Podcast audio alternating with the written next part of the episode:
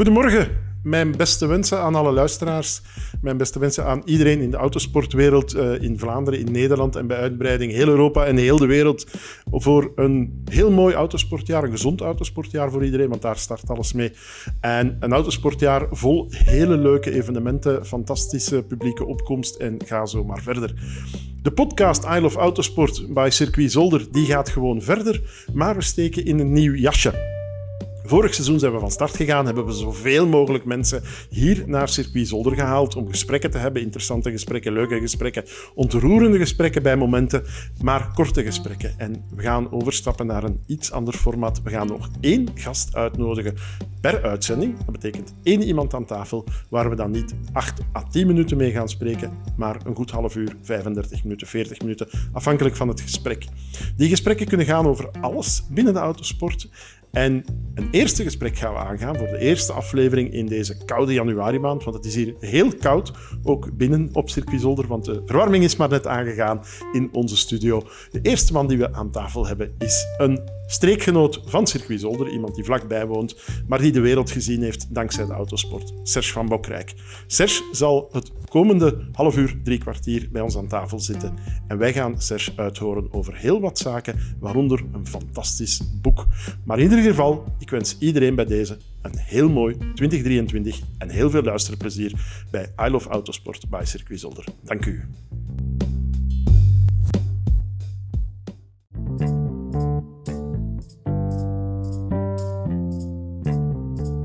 Welkom bij de eerste aflevering opnieuw van I Love Autosport, de podcast bij Circuit Zolder in Circuit Zolder. En aan tafel hebben we iemand die niet te vroeg is moeten opstaan voor deze podcast om als gast hier aan tafel te zitten. Serge van Bokrijk. Serge, voor mij ben je een oude bekende, iemand die al heel lang meegaat. Maar we zitten in ons luisterpubliek niet alleen met mensen van onze leeftijd, de grijze oude middle-aged man, mogen we ons stilaan noemen. We zitten ook met een heel jong publiek voor een deel. Mensen die niet noodzakelijk jouw naam kennen. Maar je bent bekend in de autosport om heel wat redenen. Ten eerste, en verbeter mij, je bent PR uh, nog steeds voor het programma van Corvette of van General Motors. Van Corvette en daar komt straks een deeltje Cadillac uh, ja, bij. Cadillac, daar gaan we het ook over hebben, over dat soort sporten.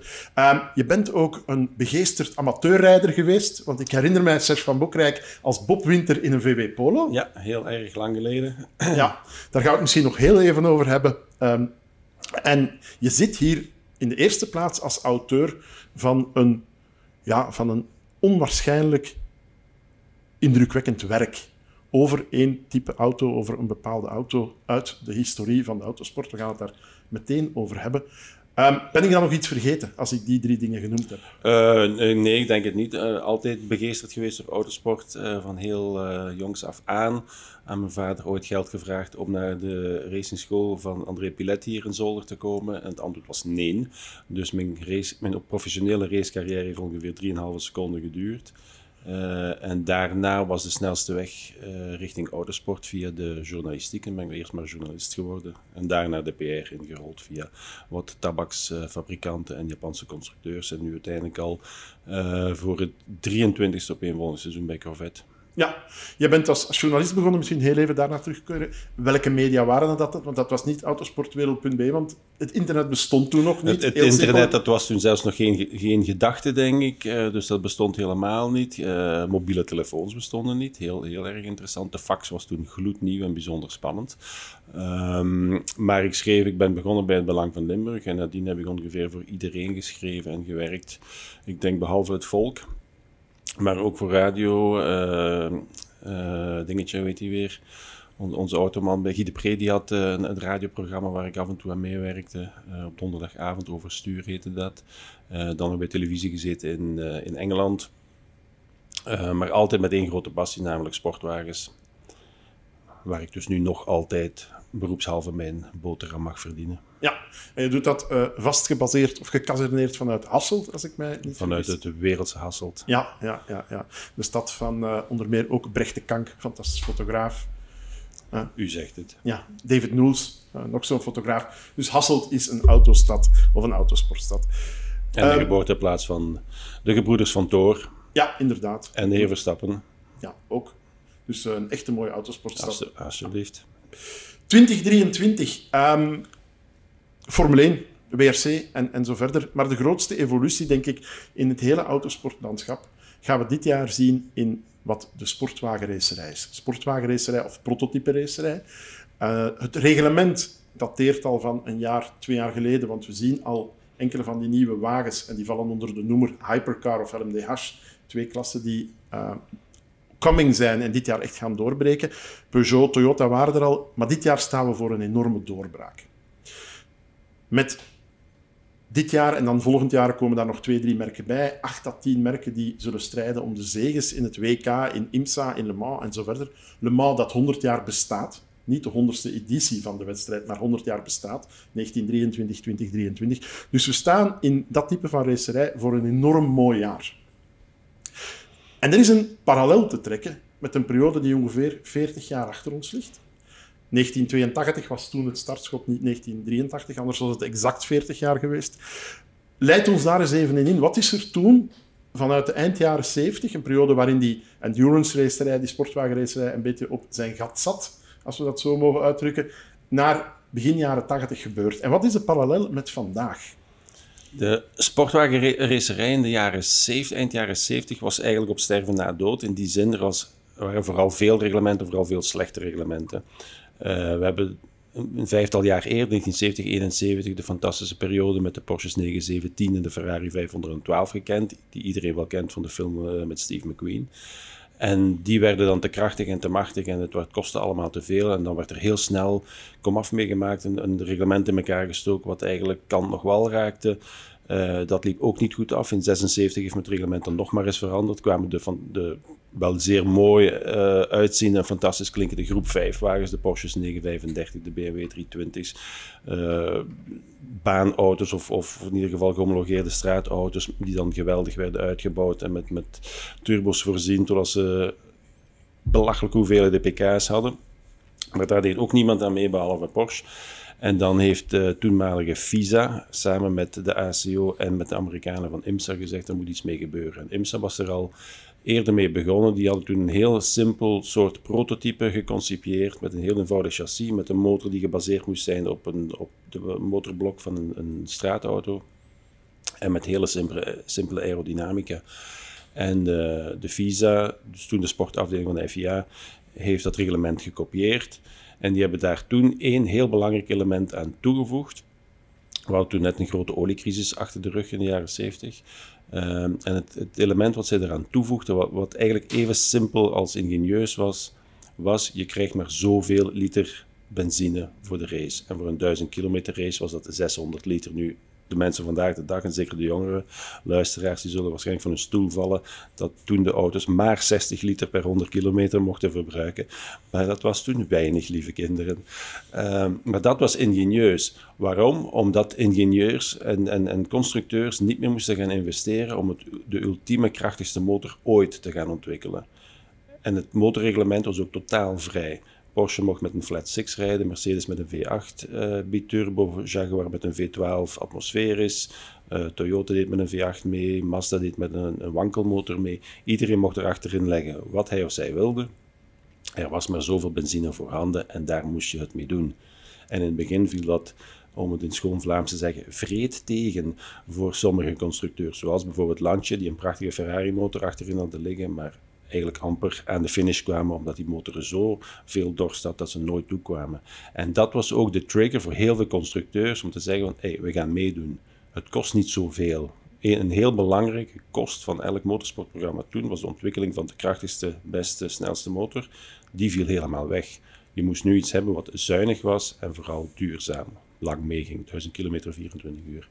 En daarmee heb je meteen van in 82 al heel veel constructeurs die zich aandienen. Ze zijn niet allemaal gebleven, nadien zijn er anderen bijgekomen. Maar het was een geweldige succesformule. En aan het einde van groep C, eh, het laatste jaar in 1990, had je 40 prototypes aan de start op een normale 1000 kilometer wedstrijd, die toen weliswaar al gereduceerd was tot 480 kilometer. Maar in Le Mans had je bijvoorbeeld 50 of 55 prototypes aan de start staan. Vergelijkend met vorig jaar in Le Mans had je vijf auto's in LMH, en nog een twintigtal in LMP2. Die klasse was er toen niet. Dus in de topklasse is het tot nu toe heel erg magertjes geweest. Maar vanaf dit jaar komt er wel gelukkig positieve veranderingen. Ja, in die tijd had je wel de groep C2, denk ik, die bestaan heeft. als ik meegeteld heb, um, en ik denk dat we nog mogen vernoemen in die periode, Fort heeft een tijdje in het begin meegedaan. Fort is begonnen in 82, maar Fort dat is natuurlijk, en dat is altijd zo geweest, en, en, en degenen die de autosport wat beter kennen, zullen wel denken dat het nu ook nog altijd zo is. Fort... Uh, die slagen er uh, altijd in om harakiri te, te plegen met, met allerlei politieke problemen. Dus dat programma was al, al ten dode opgeschreven, die hebben ook nooit iets gemaakt. Hebben zich einde 82 ook teruggetrokken en zijn eigenlijk nooit meer teruggekomen in de topklasse van de sportwagen racerij. Al 40 jaar blijft Ford afwezig.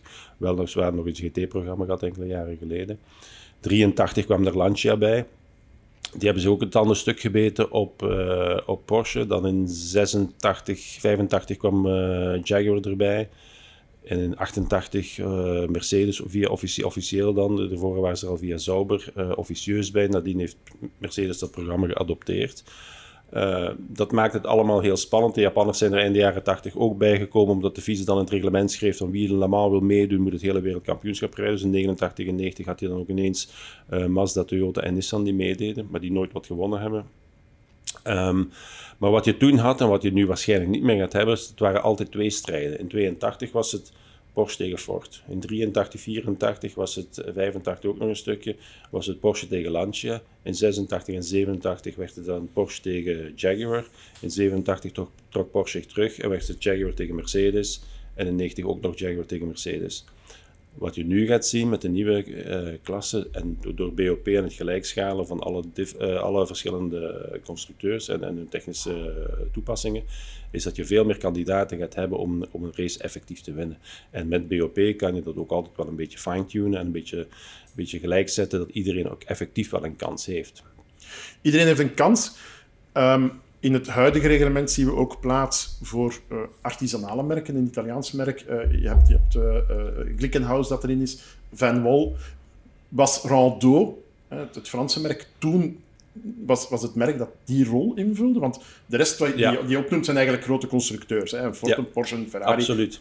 Rondo had toen eigenlijk het kampioenschap moeten winnen in 1982. Want Rondo was de eerste winnaar van de allereerste groep C-wedstrijd in, in eh, Monza in 1982. En uh, zij, zij finishte de eerste groep C-wagen, als ik me goed herinner, in, uh, in, op de Nürburgring. Deed het ook niet slecht in Silverstone. En hadden eigenlijk het, het, het, het wereldkampioenschap moeten winnen.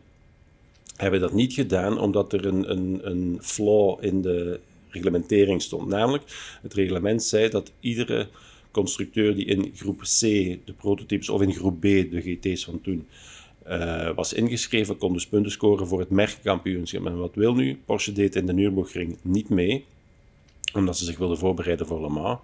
Maar de eerste groep B-wagen was wel een Porsche. Wat wil zeggen dat Rondeau de 20 punten pakte voor het wereldkampioenschap als eerste groep C-wagen. En dat een uh, Porsche 911 Turbo, die net nieuw was, ingezet werd door twee gezapige Duitse zakenmannen die dachten van we gaan ze een weekendje racen. Die finishte dan zogezegd tweede in het groep C, groep B klassement en die pakte wel 15 punten mee voor Porsche. Zonder die 15 punten had Porsche het wereldkampioenschap dat jaar niet gewonnen en had Rondo wel gewonnen.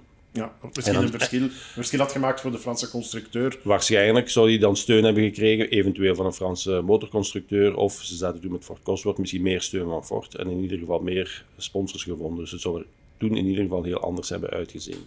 Ja, in ieder geval die periode die ongeveer een kleine tien jaar duurt, is een hoogtepunt voor de endurance racerij.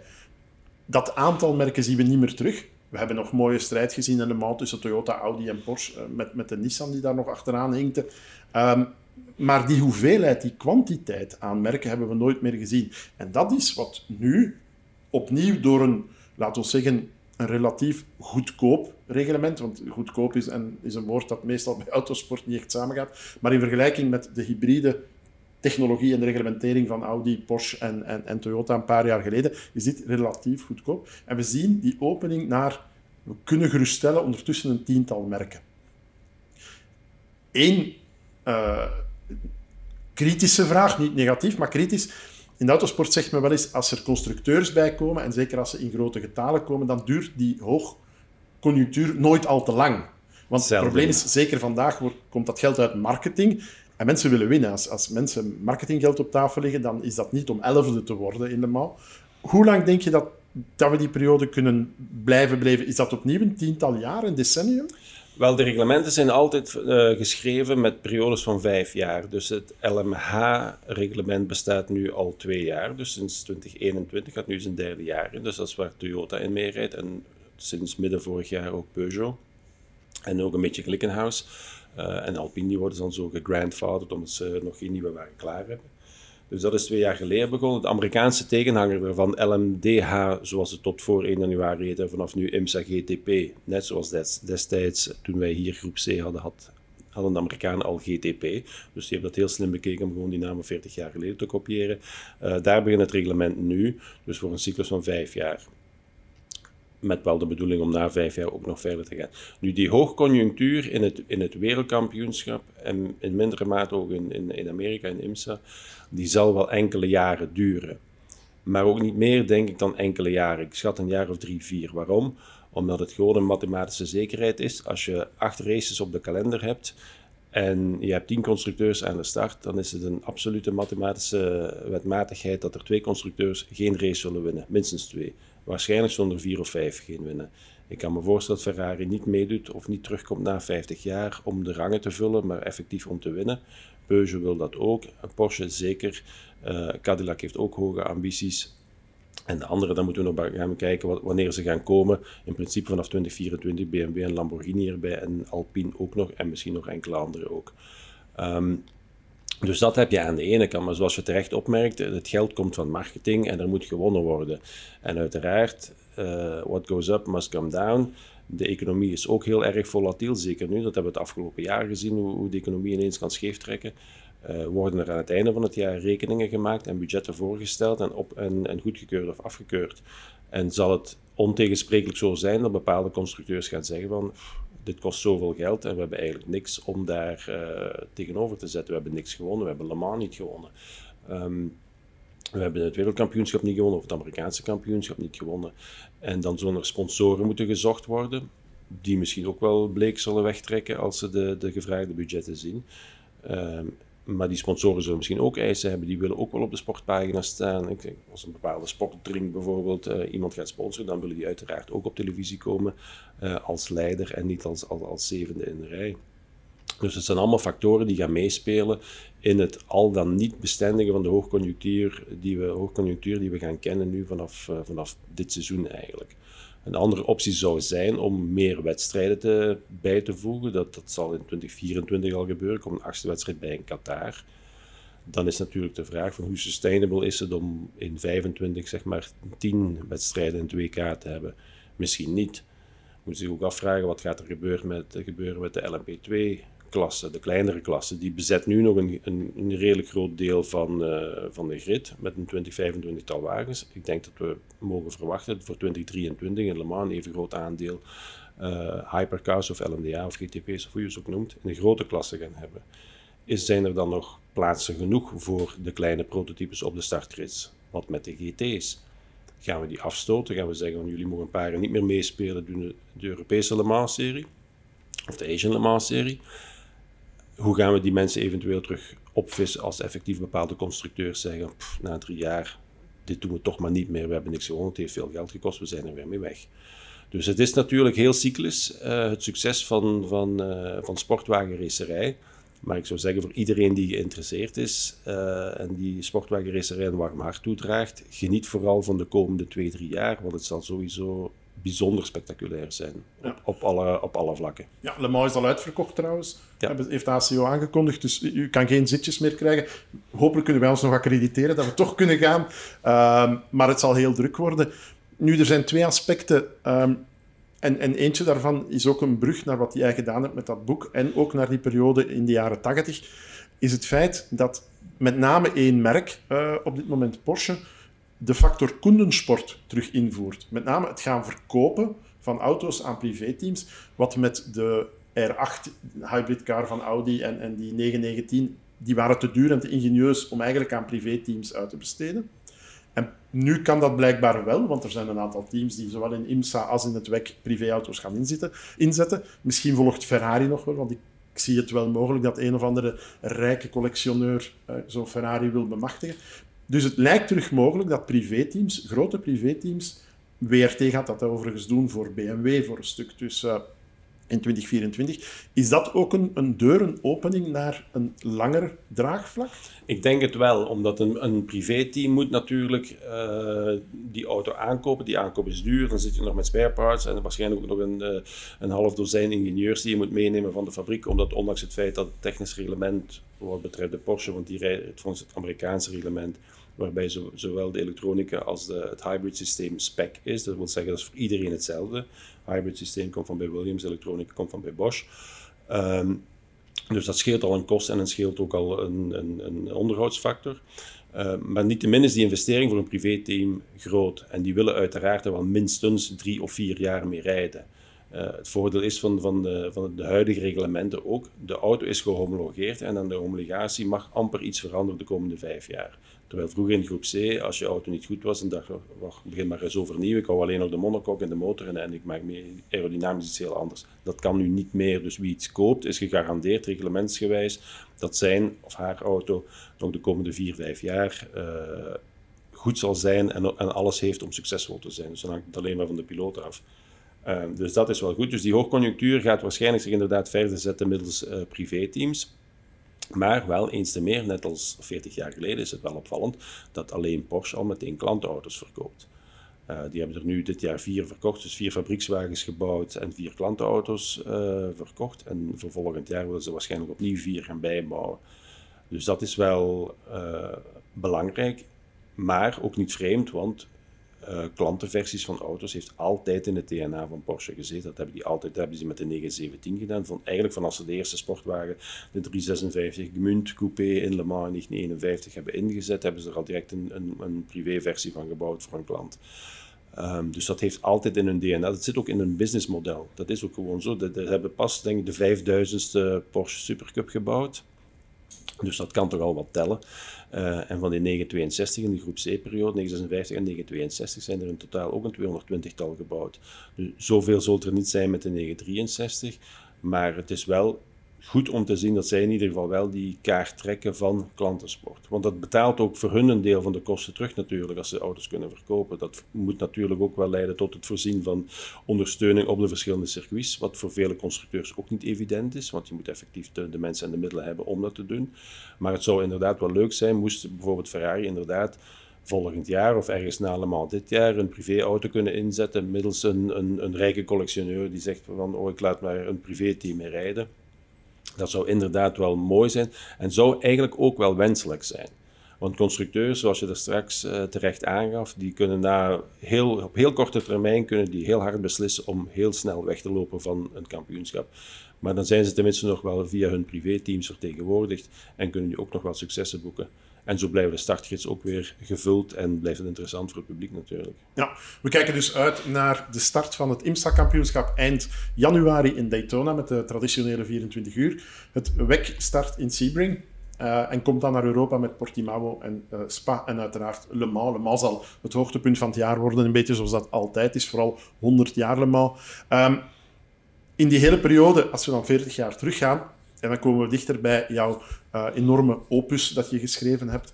Heb je een constructeur die de eerste jaren van de groep C beheerst, ondanks Ford, ondanks Rondeau, Lancia, die af en toe wel een wedstrijd winnen. Ik denk dat Lancia heeft er een stuk of twee, drie maximaal gewonnen, Rondeau een paar. Maar het is Porsche dat domineert. De tweede helft wordt anders, onder meer in Le Mans met zegens van Mercedes, Jaguar en Mazda. Uh, en dan later Peugeot, maar dat is in die postgroep C-fase. Uh, maar Porsche is daar eigenlijk, ik denk, ik herinner mij een reclame van 83 waar Porsche Nobody adverteerde: niemand is perfect, want de negende plaats was voor een Sauber, of de ja. achtste of de negende plaats was voor een Sauber, en de rest was voor de, de Porsche. En het is over die Porsche, uh, die in, in twee modellen heeft bestaan, de 956 en de 962, dat jij niet een boek hebt geschreven, maar iets. Je hebt mij gezegd 1400 pagina's voor de twee samen en 1800 foto's, was het Dat Eh, correct? nee, het, is, eh, het zijn eigenlijk twee boeken. Het, het- het tweede deel wat nu is uitgekomen gaat over de 962. Het eerste deel ging over 956, was 800 pagina's. En over 962 nu, het tweede deel is 1400 pagina's. Maar alleen over de fabrieksauto's, Alleen niet over over de privéauto's. Nee, daar heb ik wat meer bladzijden voor nodig. Ja, om, om u dat, dat in te beelden, dus samen is het ongeveer 1400 bladzijden. Dat, zelfs de Bijbel is niet zo dik, denk ik. Eh, ik ben niet echt een Bijbelkenner, maar dat is gigantisch. En het gaat alles samen over hoeveel auto's, exemplaren dan, in die twee boeken. Dus de, dus de 956 waren 10 fabrieksauto's. Dus dat is dan 800 bladzijden over die 10. Plus eentje die ze gebruikt hebben om de Formule 1 motor die naar eh, McLaren ging te ontwikkelen.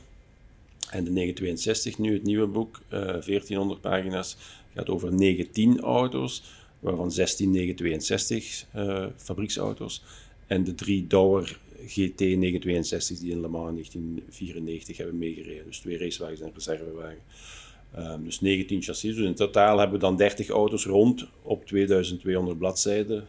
Verdeeld over twee titels, die dan elk zijn opgesplitst. Het eerste boek in twee volumes in een, in een, in een hoe zeg je dat? Een, een slipcase. En eh, het tweede boek nu in drie volumes, omdat druktechnisch niet mogelijk is om, om een boek van 1400 pagina's te maken. Dat eh, niet onderhevig zou zijn aan de zwaartekracht, dinggewicht 14 kilo. Dus eh, Ja, hoe... Want we kunnen, we kunnen uren over de inhoud van dat boek eh, doorgaan. Als u het echt wilt, kan u het uiteraard kopen. Als u... Maar hoe on earth begint iemand aan zo'n monnikenwerk? Want ik zie Serge van Bokrijk bijna in The Name of the Rose zitten in een klooster en zich jaren terugtrekken uit het, het, het, het publieke leven om dat te gaan schrijven. Want dat is... Je moet het niet alleen fysiek schrijven, typen vandaag, maar er is, ik ben van, van opleiding historicus, er zit een enorme research achter. Je moet mensen gaan contacteren, documenten gaan opzoeken, documenten gaan controleren, want je kan niet alles zwart op wit overnemen wat je elders op Wikipedia vindt, en liefst niet te veel Wikipedia. Hoe begin je aan zo'n werk en hoeveel, heb je een idee van hoeveel manuren dat je daar ooit hebt ingestoken? Ik denk dat als ik eh, het aantal uren zou, zou moeten optellen, dat ik eh, ter plekke depressief word. Maar ik ben er wel aan begonnen in 1989 al. Omdat er toen eh, Porsche stopte met groep C vanuit, vanuit het fabrieksteam in 1987. Maakte dan nog een korte comeback in 1988 voor Le Mans en Fuji. En dan hield het verhaal eigenlijk op. En dan in 90 kwamen ze nog eens terug via het Jeust-team, maar toen was eigenlijk het kalf al verdronken. Ehm, en er waren wel een paar boeken verschenen, zo eind jaren 80, 85, eh, midden jaren 80 en 85, 86 die wel interessant waren, maar waar, waar ik dan toch altijd fouten in vond, in, in, in, gewoon in de statistieken. Als je de, de, de historiek van een bepaald chassis vergeleek, dan stond dat hij op zondag 1 januari een wedstrijd reed in Monza. En drie bladzijden verder stond dat hij dezelfde auto op zondag 1 januari een wedstrijd reed in Fuji. Dus één van beide was fout en waarschijnlijk waren allebei die gegevens fout. En dan ben ik begonnen met het idee van, ik ga mezelf zo een boekje maken. Het is toch straks afgelopen met die auto, zo lang zal niet duren om het klaar te hebben met een jaar of twee ben ik daar wel mee, ben, ik daar wel mee klaar. Ehm, maar dan ben ik ja, uiteraard die informatie gaan zoeken en dan via via kwam ik dan wel met aan meer informatie terecht. Vond ik ook motornummers, uh, chassisnummers uiteraard, maar ook versnellingsbaknummers en dan ben ik dat allemaal gaan toevoegen. En uiteindelijk heb ik me dan ergens begin jaren 90 gezegd van ik wil eigenlijk het meest complete boek ooit maken. Uh, dat, maar, dat maar menselijk mogelijk is om, om, om bijeen te schrijven en bijeen te zoeken. En ik heb me daar dan ook helemaal geen deadline bij gesteld. Um, en ik ben dan rustig blijven zoeken en dan ben ik naar de archieven in, bij Porsche beginnen gaan. En dat is uh, altijd het leukste natuurlijk van, van opzoekwerk. Dat is een oude stoffige map nemen, het stof eraf blazen, die open doen en dan al die handgeschreven documenten proberen te ontcijferen. Uh, en ik denk dat ik in totaal misschien een honderdtal dagen bij Porsche in de archieven heb gezeten, gespreid over de laatste 10, 12 jaar. En, en daar vind je dan dingen die je niet wist, maar die wel heel interessant kunnen zijn. En je denkt van, oh, daar moet ik ook nog wel een hoofdstukje aan wijden, of dit wil ik er nog wel bij hebben, of, uh, of daar moet ik eens over praten met de mensen. Uh, en dan ga je natuurlijk interviews doen met al diegenen die erbij betrokken waren, de ingenieurs, de, de beslissingnemers, uh, de ontwerpers van de auto. En probeer je dingen te vergelijken. Ehm, ik heb ook dagen gesleten in de archieven van alle tijdschriften die er toen bij waren, vooral dan de buitenlandse, die in tegenstelling tot de Belgische veel budgetten hadden om veel mensen naar alle koersen te, in alle hoeken van de wereld te sturen. Autosport in Engeland, Auto Hebdo in Frankrijk, uh, Sportauto en Automotorsport in Duitsland. Heb ik daar ook alle die archieven helemaal uitgeplozen en dan ben ik gaan kijken van wat klopt, wat klopt niet, wat is juist, wat is niet juist. En het was me vooral te doen om het allemaal zo factueel mogelijk te hebben. En, en eigenlijk alles erin te hebben. Om, om, om een analogie te maken, je zou bijvoorbeeld een, uh, ik zou bijvoorbeeld de biografie van Joost Kusters kunnen maken en, en daarin stellen. Elke eerste maandag van de, of elke eerste maandag van de week, dus uiteraard eerst maar één maandag in de week, maar iedere maandag zit hij zijn podcast op te nemen in, op het circuit Zolder. En iedere maandag neemt hij een broodje kaas bij ontbijt en een tas koffie. Behalve die ene dag was het een broodje ham. Dan is het, vind ik het interessant van waarom dat broodje ham of hesp. Was de kaas op of mocht hij niet? Of was de kaasboer failliet? Dat soort dingen. En dat gaat dan ook met die auto's zoeken. Je haalt de anomalieën eruit en daar probeer je dan te kijken waarom is dat zo? Is dat bewust zo? Is dat onbewust zo? Is het een foutje geweest? En daar leidt je dan een heel op andere dingen af. Dus dat maakt dat er in die boeken wel letterlijk miljoenen datagegevens ook staan. Want de volledige historiek van elke auto staat opgelijst per test, per race. Uh, met de versnellingsbakverhoudingen, met het, met het merk en de dichtheid van de smeermiddelen die ze gebruikt hebben, met het uh, benzineverbruik per ronde, per stint. Uh, alles, alles, alles staat erin. Het is, ja, het is, het is een, een werk van en voor nerds. Fantastisch werk. Um, een vraag die ik mij dan stel, ik herinner mij dat ik toen ik nog wat jonger was, ongeveer een kleine 30 jaar geleden, thesis heb moeten schrijven aan de Leuvense Universiteit. Vandaag heeft dat een andere naam, maar toen was het het eind, het afstudeerwerk. Dat was goed 280 bladzijden, wat dus ook al veel was, 280, en dat wordt nagelezen. Dat aspect, wie heeft dat gecontroleerd nagelezen? Heb jij dat alleen gedaan? Door, of heb jij mensen dat laten rereaden? Um, het boek voordat, je dat, voordat je dat naar, naar de drukker brengt? ik heb uh, het geluk van een fantastische editor te hebben, Mark Hughes die ongeveer een 400 boeken uh, de eindredactie van gedaan heeft. Uh, die vorig jaar ook nog de Lifetime Achievement Award van de Royal Automobile Club in Engeland heeft gekregen. Dus ik heb het boek ook in het Engels geschreven. Dus dat scheelt al een hele hoop vertaalwerk. Uh, en die leest dat allemaal na. En die kent de oude sport ook goed genoeg om eventuele discrepanties erin uit te vissen en te zeggen, want ja, dubbelcheck dit nog eens, want het lijkt me raar. Um, maar dat is natuurlijk ook een, een, een. Het, het, 962-boek is denk ik 660.000 woorden tekst alleen al. Uh, dat is zonder het derde volume, dat is ongeveer 400 bladzijden, allemaal data uh, in kolonnetjes met de historiek van elke wagen. Dus het, het, het leesbare gedeelte is natuurlijk al, al, al veel. Um, dus die, hebben dat, die heeft dat nagelezen, ook de onderschriften en, en foto's helpen zoeken en zo. Maar ik heb me vooral zelf met alles, vooral met dit boek, minder met het eerste boek, maar met dit boek vooral, zelf zoveel mogelijk met alles proberen bezig te houden. Met het hele productieproces. Van alles, om van alles op de hoogte te zijn. Om niet achteraf voor voldongen feiten te komen staan dat er een fotofout staat of, of uh, iets, iets, iets over, het hoofd, uh, over het hoofd wordt gezien. Dan kom je bij het fotoarchief. Um, ik schrijf ook af en toe kortere stukjes uh, voor, voor internet. Maar als ik een ik heb dat in, in, in de coronaperiode gedaan, die verhalen die ik schreef, onder meer over Douwer trouwens, maar dan de, de wagen die in Belkar gereden heeft, wat dan weer een echte Douwer was en, en, en zo verder. Um, het moeilijke bij zo'n stuk zijn foto's. En dan gaat het bij mij over vier of vijf foto's, bij jou over 1800 foto's? In dit boek zijn het 1806, denk ik. Ja, en dus dan bel je naar David Noels. Uh, maar dan kom je er niet. Er zijn er meer nodig. Wel, ik moet zeggen, David Noes heeft uh, twee foto's in het boek van de Douwer Porsche, de echte Douwer Porsche. Er staan ook uh, prachtige tekeningen in, um, artwork zoals dat dan heet, van die, van die profieltekeningen. van alle verschillende windtunnelmodellen die ooit zijn ontwikkeld, maar die nooit als een echte wagen hebben bestaan. Het waren maar ideeën van Norbert Singer.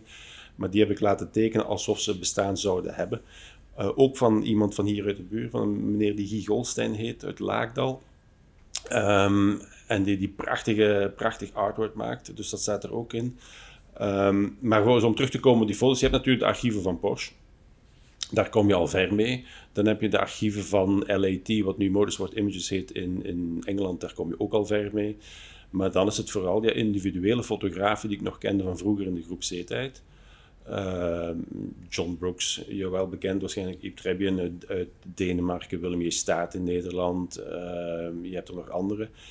Ehm, en die mensen kennen dan wel weer iemand die toevallig iemand kende, die een vriend van een neef, van een broer, van een zus had, die toevallig ook op die race was. Kunnen we die nog terugvinden? En soms zit je dan ja, anderhalve maand te e-mailen. En is er wel iemand die dan net die foto heeft die ik dan zoek? Dat is niet technisch de meest hoogstaande foto. Dat is sowieso moeilijk, want in 1980 was er nog niks digitaal, of in de jaren 80. Dus alles is per definitie analoog en nadien gedigitaliseerd. Dus dat, dat merk je wel hier en daar bij sommige foto's. Maar sommige foto's zijn ook wel prachtige tijdsdocumenten. Ik ben via een Belg die een Nederland, Nederlander kende, die een Engelsman kende die in Nederland woonde. Die zat in de tribune in Spa in 1985. En die heeft heel, de, heel het ongeval van Stefan Bellof en Jackie X kunnen fotograferen. Van net voor ze elkaar aantikken tot als ze in de vangrail staan. Die foto's hebben nog nooit ergens ingestaan, nooit gepubliceerd geweest. Uh, die zijn uiteraard niet haarscherp, maar je ziet wel wat er gebeurt. En ik vind het knap dat iemand een tiental foto's kan maken van iets wat maar een paar seconden duurt. Met, de, met het materiaal van toen in de jaren tachtig. Vanuit de tribune? Vanuit de tribune. Die er toen Niet mijn hersen aan. Ja. ja. ja. Um, gigantisch werk. Vat nog eens heel even, de, want je bent een factman, hè, dus je gaat fact. Titel van de werken, is het nog verkrijgbaar? Um, hoe moeten we dat doen voor de luisteraar die geïnteresseerd is? Want je hebt gepassioneerde mensen die dat soort zaken uiteraard met veel plezier uh, ook gaan aanschaffen. Is er een speciale editie bijvoorbeeld? Vat dat nog eens even samen voor de luisteraar. Het boek heet voluit uh, Ultimate Works Portion 962 streepje The Definitive History. Wordt uitgegeven bij Porter Press International in het Verenigd Koninkrijk. Is daar ook via hun website, website te verkrijgen, maar is ook in Europa te verkrijgen via de website van de Sportvarerscentrale in Duitsland. Dat heeft het voordeel dat je niet met die importtaxen zit die er sinds Brexit op alles wat uit Engeland komt uh, geheven wordt. En dat je boek niet drie of vier weken ergens in de douane in Brussel ligt uh, en dan toch niet helemaal fris weer bij jou thuis belandt. Um, er zijn drie edities. De gewone editie heet Limited Edition en is gelimiteerd tot 962 uh, exemplaren. Daarbovenop heb je 25 exemplaren voor een Collector's Edition. Het verschil daar is dat hij een volledige, volledige lederen omslag heeft, terwijl bij de Limited Edition is dat half leder en half stof. Um, die is ook gehandtekend door, en ik probeer ze even op te noemen uit het blote hoofd, uh, Mario Andretti, Hurley Haywood, Danny Sullivan, Henri Pescarolo, Derek Bell, Klaus Ludwig, Jurgen Bart, Jochem Mas, John Watson, Roland Koesmaul en Max Welti. En dan hoop ik dat ik niemand vergeten ben. Um, dat zijn 25 exemplaren, die kosten dan iets meer. En dan heb je ook nog 19 exemplaren, die heten de Owners Edition. Die, zitten, uh, die hebben een Alcantara cover. Die zitten ook in een Alcantara uh, slipcase, dus een box. Uh, en daar in de deksel van die slipcase zit de zuigerstang van een 962 motor verwerkt met een plaketje erbij waarop staat in welke motor die zuigerstang gezeten heeft bij welke race. Uh, eh, 19 exemplaren, waarom 19 exemplaren? Omdat er maar 19 fabrieksauto's waren. Die worden eerst aangeboden aan de huidige eigenaren van die auto's. En degene die er dan geen nemen, of bijvoorbeeld bij Porsche Museum staan er zes. Ik kan me niet voorstellen dat ze zes boeken gaan kopen. Dan zijn die ook beschikbaar voor het grote publiek.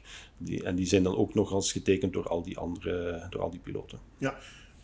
Pertinente vraag, heeft Porsche er alleen besteld of gekocht?